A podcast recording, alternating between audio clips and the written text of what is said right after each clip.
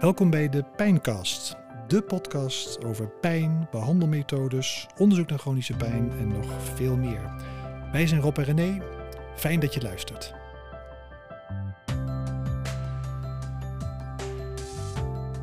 Hallo beste luisteraars, welkom alweer bij de zevende aflevering van de Pijncast. De podcast uh, gemaakt door Rob Smeets, hoogleraar pijnrevalidatiegeneeskunde en ondergetekende René Oosterwijk. En we zijn heel blij vandaag dat we nog een hoogleraar aan boord uh, hebben aan tafel, Monique Stegers. Welkom Monique. Dankjewel. Uh, je bent hoogleraar uh, pijngeneeskunde en palliatieve geneeskunde aan de Vrije Universiteit en werkzaam in het Amsterdam UMC. En we werken ook nou, best wel veel samen. Uh, ik mag bij jullie MDO in, de, in het VUMC uh, aanzitten, één keer per maand. Een tertiair MDO voor echt ingewikkelde pijnpatiënten. En uh, nou, heel mooi dat je wilt, uh, wilt komen, want we zijn ook heel benieuwd hoe vanuit de pijngeneeskunde uh, en de voormalige anesthesiologische pijngeneeskunde, maar er zit een stukje transitie in, denk ik, hoe jullie vanuit de pijngeneeskunde, jij persoonlijk, uh, ja, kijken tegen de hele pijndynamiek en ontwikkelingen op dit moment. En dan even teruggaand in de tijd, je bent in het verleden gepromoveerd. Uh, dat moet ook volgens mij om tegenwoordig nog professor te kunnen worden. Maar uh, dat was op het stuk chronische pijn naar, naar uh, chirurgische ingrepen.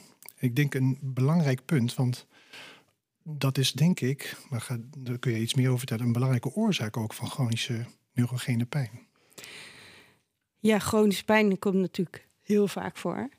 Uh, dat weten we inmiddels. Um, en pijngeneeskunde, daar begon je over, dat is natuurlijk een heel groot gebied. Pijn is van iedereen en uh, ja, er hebben ook heel veel mensen pijn. Dus er zijn ook heel veel behandelaren die zich met pijn bezighouden. En dat is eigenlijk allemaal pijngeneeskunde. Um, daarin hebben natuurlijk vele behandelaren verschillende rollen. En als je dan gaat kijken naar de anesthesiologie specifiek, die houdt zich vooral bezig met uh, pijninterventies, beïnvloeden van pijn met medicatie. Um, dat betekent niet dat ze het van de opdracht ontslaat om ook alle andere dimensies uh, te bekijken. En ik ben ook uh, hoogleraar palliatieve geneeskunde. En in de palliatieve geneeskunde zijn wij gewend om in een vierdimensionaal model, dus niet alleen bio psychosociaal, maar ook de, de spirituele dimensie mee te nemen. En dat lijkt uh, altijd een hele belangrijke dimensie te zijn. Dus ook bij de pijngeneeskunde zou ik willen voorstellen om niet alleen biopsychosociaal te kijken, maar ook de zingevingsdimensie mee te nemen. En dat is eigenlijk over het brede pijngeneeskundig vlak. Um, ik ben gepromoveerd op uh, pijn na chirurgische ingrepen. En ik begon daarmee in 2003, 2004. En wat het gekke was, is dat daar toen nog heel weinig over bekend was. Um, en waar ze achter kwamen was dat 20% van de patiënten die zich op een pijnpolie melden, dat die uh, pijnklachten hielden na een chirurgische ingreep. Dus vandaar dat ik vooral heb gekeken hoe vaak komt dat nou voor.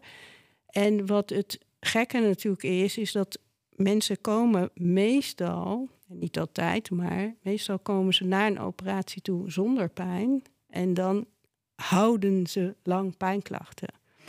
En um, dat is eigenlijk een heel mooi experimenteel model om te kijken van wie houdt nou eigenlijk pijnklachten en waarom is dat nou zo? Nou, daar heb ik natuurlijk het echte antwoord nog niet op gevonden, maar daar hebben we wel uh, onderzoek uh, naar gedaan.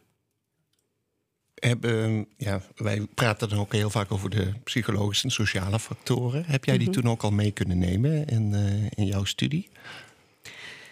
Um, de psychologische factoren namen we wel mee, zoals depressie, catastroferen.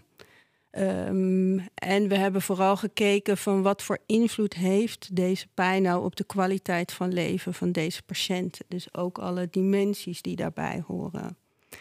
En wat we bijvoorbeeld zagen, en dat is, was een nogal spectaculaire studie waar, waarin um, toch wel vooral wat media-aandacht voor is geweest. En dat was de studie naar hoeveel patiënten houden nou na een borstvergroting, wat over het algemeen een zeer electieve uh, chirurgie is, uh, pijnklachten over. En dat bleek in 25% van de, uh, van de patiënten het geval te zijn.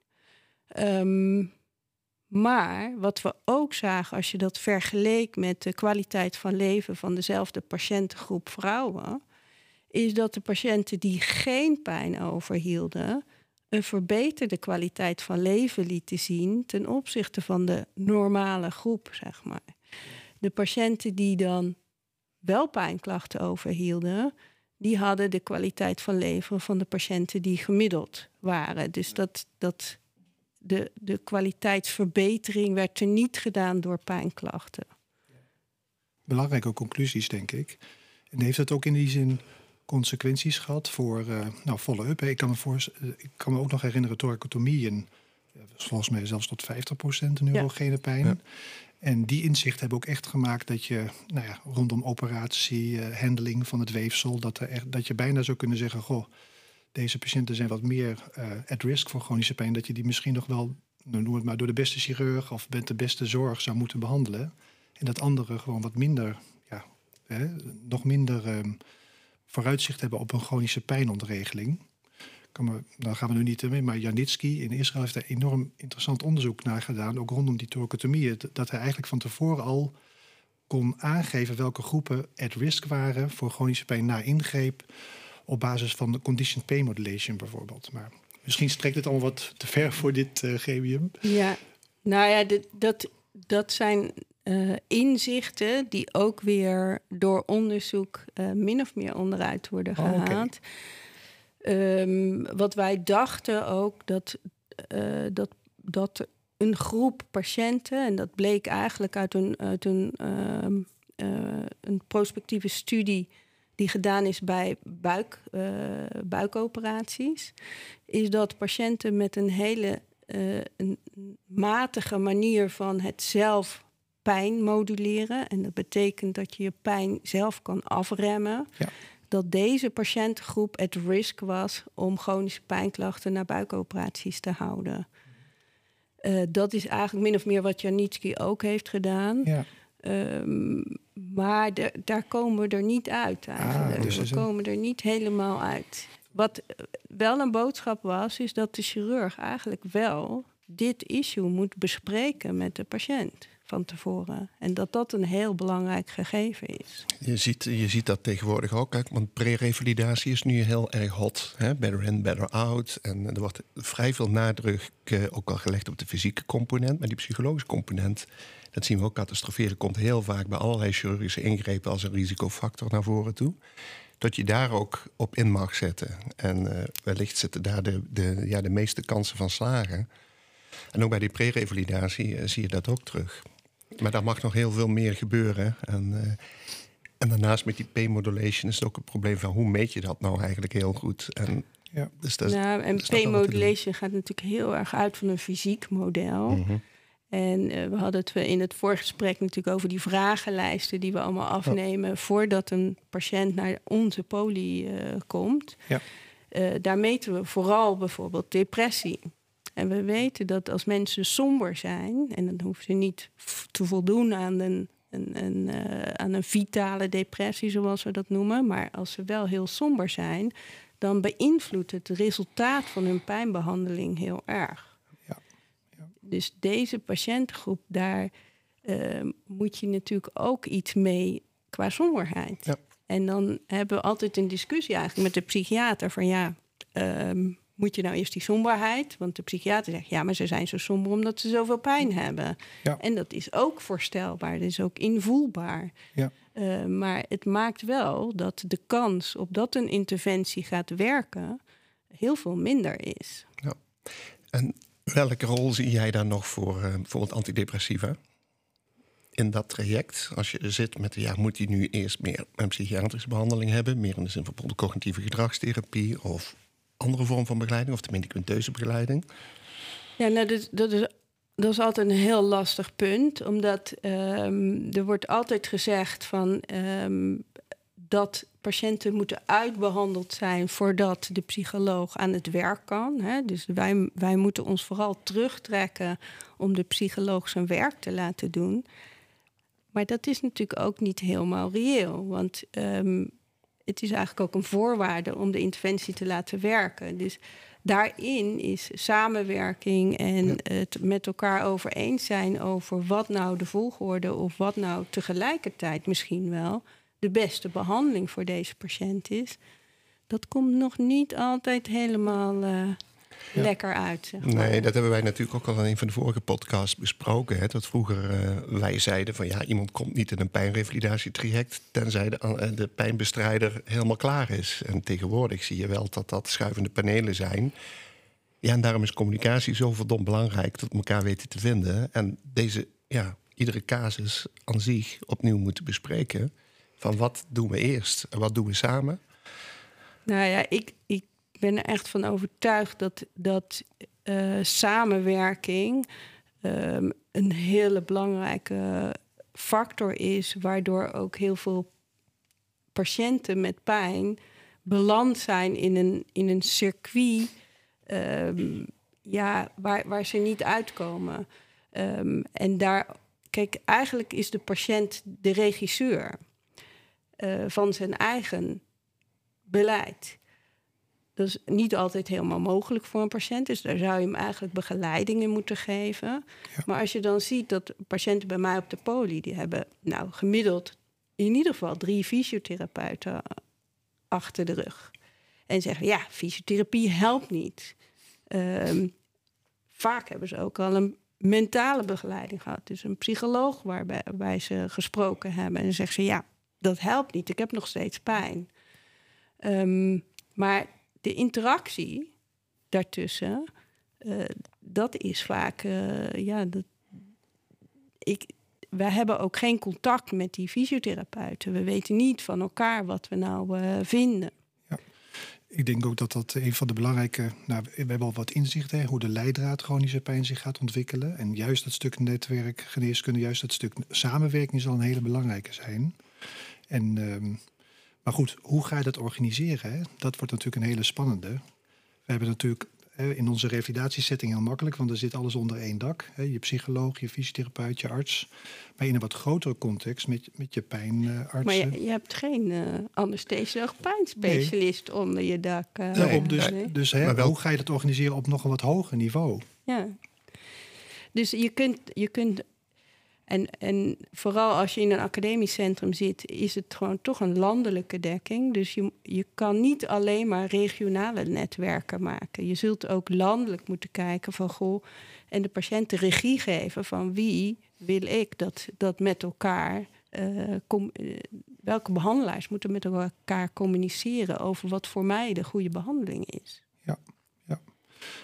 En, ja, en, de, en de leidraad wordt daar ook uh, ook naar gestreefd. Maar we hebben dan wel nog te maken met tot een hoop van onze patiënten niet weten hoe ze het moeten doen. Dus daar wordt ook wel een lans gebroken om daar een soort van ja, coach uh, in die eerste lijn ook uh, aan, te mhm. gaan opleiden. Hè? Mm Mensen die meer kennis en verstand van zaken hebben, ook van het netwerk en die de patiënt kunnen begeleiden. En we hebben natuurlijk ook nog toch wel 15% van onze populatie is daar helemaal niet toe in staat. Omdat we bijvoorbeeld al uh, niet in staat zijn om alles te begrijpen wat wij zeggen, wat we schrijven en dat soort dingen. Mm -hmm. Maar hoe zou jij dat ideale beeld zien? Denk je dat we dan toch rondom huisartsenpraktijken bijvoorbeeld uh, één iemand daar verantwoordelijk voor moeten maken waar een patiënt naartoe zou kunnen gaan? Nou, ik zie, ik zie eigenlijk waarom zou dat in de regio per se moeten. Mm -hmm. Als het een digitaal netwerk is, waarom zou dat niet ergens in het land een digitale coach kunnen zijn die zo'n patiënt op weg helpt of een andere patiënt? Ja. ja. Nou, nee, nee, dus, dus er zijn initiatieven vanuit patiënten die dit ondersteunen. We gaan er ook zeker uh, bij de achtste podcast gaan we er ook aandacht aan besteden. Daar kom ik straks nog op terug. Heel mooi lijntje. Ten aanzien van, uh, dat vond ik wel heel mooi wat je zei, hè? Uh, palliatieve geneeskunde en het stuk uh, spiritualiteit. Nou, heel mooi dat je dat zegt. En ik hoorde je eigenlijk ook zeggen, dat stuk zou eigenlijk ook al nog meer in de, ja, in de reguliere pijngeneeskunde ook terug moeten komen. volgens mij heb ik het niet gelezen in de leidraad helaas. Maar Nee. eh, nee, dus Nee, weer gemiste kans. voor de, voor de eh, herziende versie dan. Tijd is er nog niet rijp voor. Nee, maar als je hoort, als je met patiënten praat over eh, die een heel traject hebben doorgemaakt, die nog steeds chronische pijn eh, hebben, helaas, is dat ze eh, eigenlijk vaak op die dimensie, als ze dat weer terugvinden, de zin in het leven en waarom ben ik hier, waarom doet het ertoe dat ik hier op aarde besta, dat aspect is zo belangrijk dat ze daardoor zeg maar het leven weer aankunnen. En de belangrijke dingen doen en de niet belangrijke dingen laten, die misschien wel tot meer pijn leiden. Dus ik denk dat het een, een, een zeer onderbelichte dimensie is bij patiënten die chronisch ziek zijn. Ja, dat haakt heel goed aan op eh, zingeving. Wat ook een heel belangrijk aspect is. Bijvoorbeeld bij de ACT-behandeling die toegepast wordt, heel duidelijk. Maar ik denk dat het ook belangrijk is voor onze luisteraars... dat ze op onze link ook... We hebben nog ooit samen een, eh, een review eh, geschreven over spiritualiteit. En wat de, de Oh ja? plek van spiritualiteit zou Mhm. kunnen zijn in pijngeneeskunde. En daar ook al heel duidelijk een aantal ja, duidelijk signalen hebben, ook vanuit andere literatuur, dat het wel degelijk zinvol is om dat te overwegen. Klopt. Ga Schagen, hè? Dat was de eerste auteur, is de eerste Oh ja? auteur. Ja. Want eh, ook in het voorgesprek, hè, eh, ik zei al, wij als revalidatiearts hebben een beetje een bias. In die zin, wij zien echt de mensen die echt extreem veel hebben geprobeerd, van alles hebben gedaan, ook eh, invasieve pijnbestrijding, medicatie. Dus dat geeft voor ons wel eens een gevoel van, goh, eh, in wat formaten kan invasieve pijnbestrijding of medicatie hel- helpend zijn? En misschien kun je daar toch iets over vertellen vanuit jouw, toch vanuit je achtergrond, hè, de, als pijnbestrijder. Wat zijn nou de gebieden waarop je zegt, ja, daar hebben we echt nog een aantal dingen in handen die heel helpend kunnen zijn? En welke diagnosegroepen denk je dan? Ja, we, we hebben natuurlijk patiënten die, eh, die, die heel erg geholpen zijn bij wortelblokkades, bij eh, acute hernia-klachten. En waar het over gaat, is dat die interventies ondersteunend zijn. Ondersteunend om de rest van de eh, therapie te kunnen ondergaan of te kunnen doen. Ja. En ehm, ik denk dat dat heel belangrijk is. En zo moet je ook medicatie zien. Dus als ondersteuning om verder te kunnen in hun leven. Ehm, en we hebben patiënten die wel regelmatig terugkomen eh, voor een interventie, maar die, die daardoor hun leven weer op de rit hebben.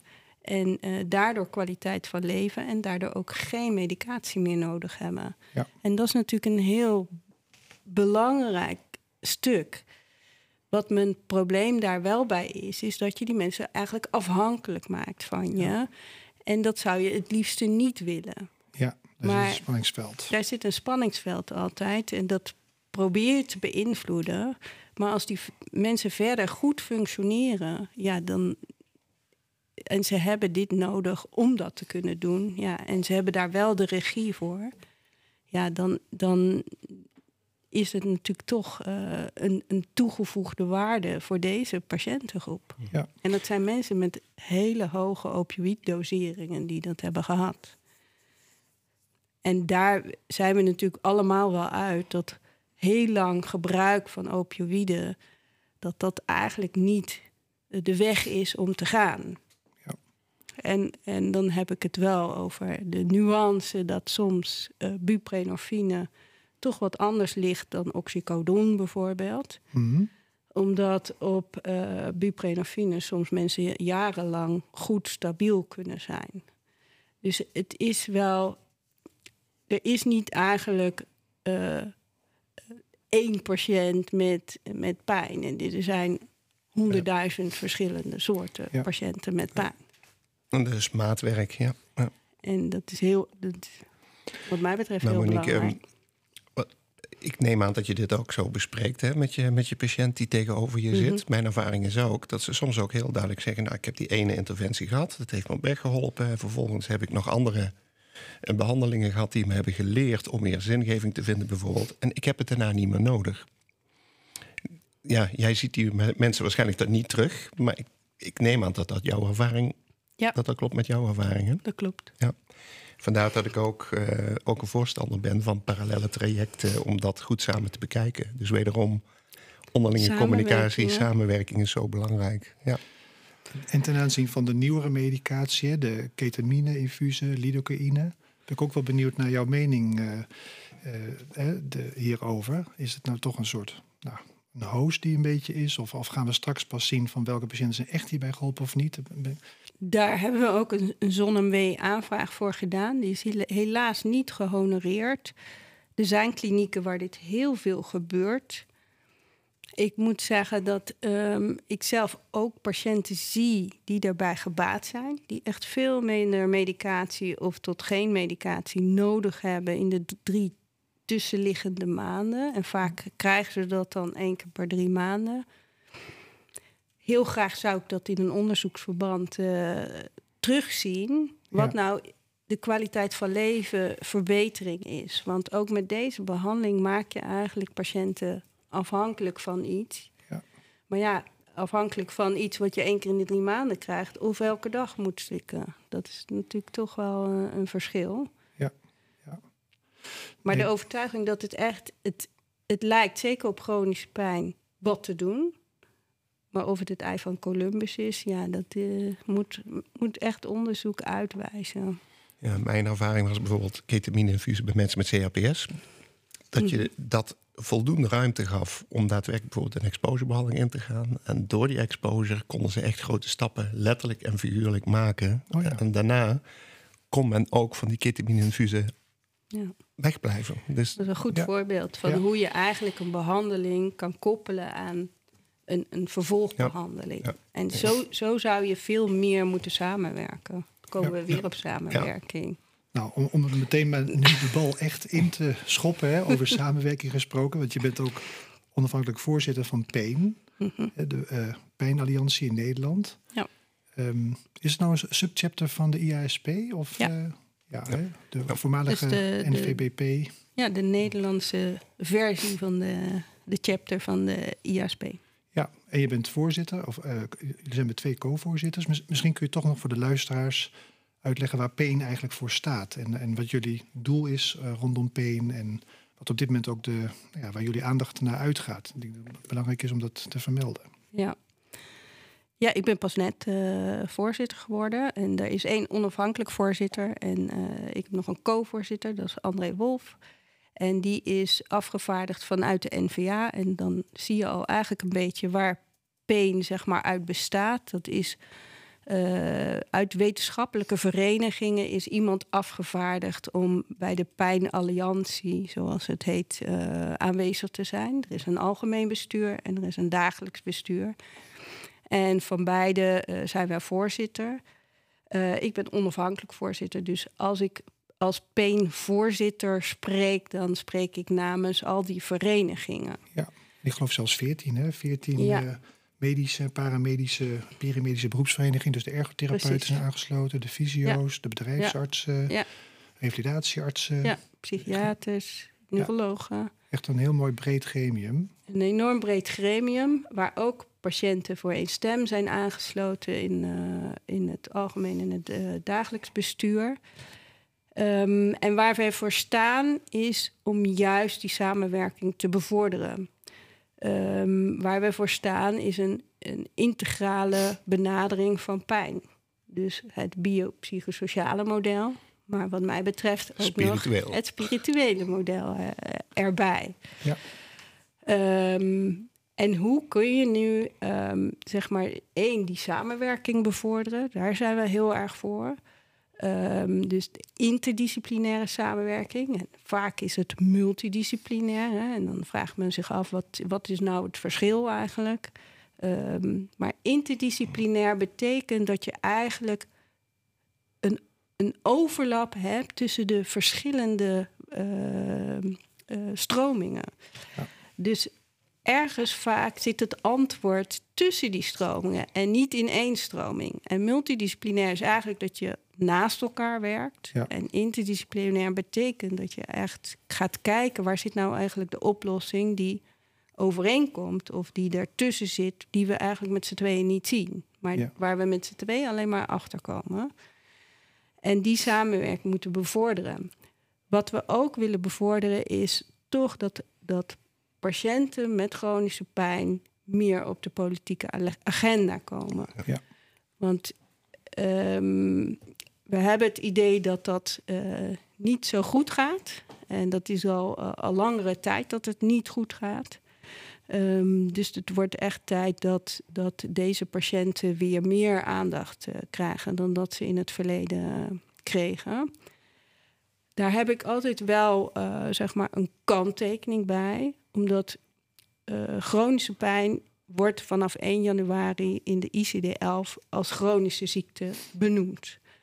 En ziekte, dat zegt het woord al, uh, maak je dan heel erg medisch. Ja. En dat is wel mijn kanttekening, dat, dat chronische pijn uh, soms ook kan betekenen dat je het eigenlijk moet demedicaliseren.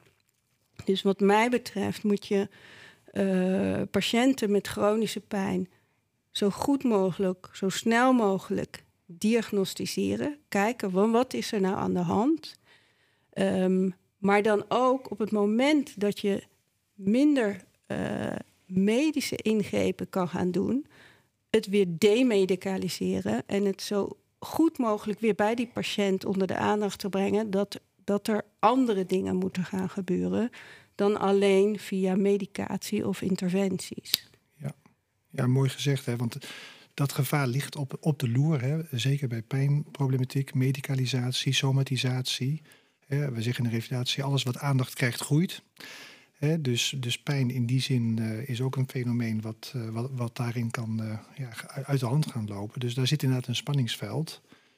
bij het zeer noemen we patiënten ook geen patiënten, maar cliënten. Juist om hun in de regie te brengen, los van hun pijn te komen. Dat is eigenlijk het, de, het codewoord om daar een adequate omgang mee uh, te vinden. En dat viel me ook op in het voorgesprek, dat jij ook als, nou, vanuit jouw visie ook rondom dit thema heel erg sterk uh, bezig bent. Het omgaan met, niet, niet op pijnreductie werken, uiteindelijk echt het stuk zingeving en...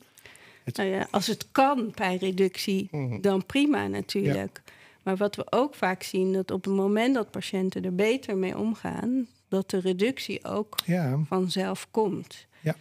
En dat is iets wat een patiënt natuurlijk altijd heel moeilijk vindt om te geloven, maar wat uiteindelijk vaak gebeurt.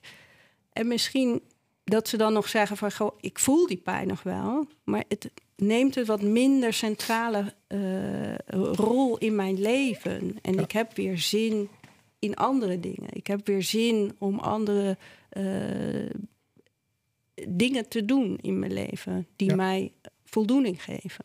Uiteindelijk gaat het lijden aan de pijn wordt, uh, wordt ook minder. Hè? En ja. Uh, ja. dat is denk ik waar we uiteindelijk met z'n allen mee bezig zijn, om het mensen het lijden te verminderen. Ja. ja. Nou ja, en als je dan ziet hoeveel mensen chronisch pijn hebben, als je dat allemaal zou medicaliseren met de huidige zorgkosten. Dat, dat is ook.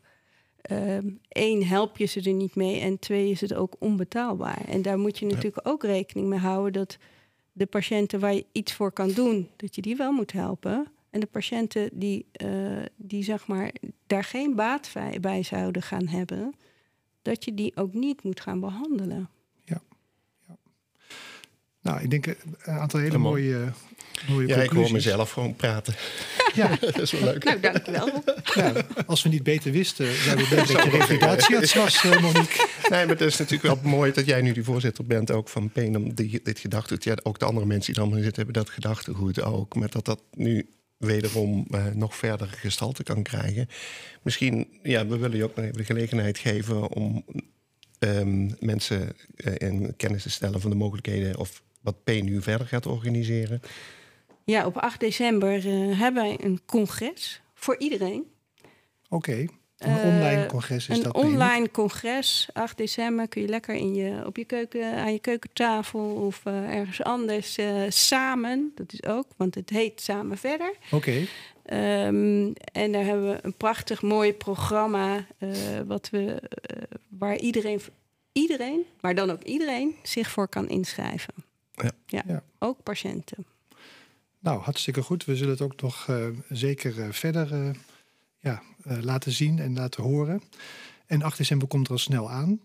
Dus ehm, nou, bij deze Monique nog hartelijk bedankt voor je medewerking. We zitten alweer bijna op de 30 minuten, dus daar gaan we ons ook um, een beetje aan houden. En ik, voor mijn gevoel zijn er ook hele mooie dingen gezegd en hebben we mooie inzichten gekregen over hoe op dit moment eh, ook vanuit de pijngeneeskunde wordt gedacht en welke richting eh, we met z'n allen op zouden moeten gaan en gaan. Dus eh, nogmaals, Monique, hartelijk dank voor je aanwezigheid. En ehm, ja, wij maken ons klaar voor de volgende, de laatste aflevering in deze serie althans.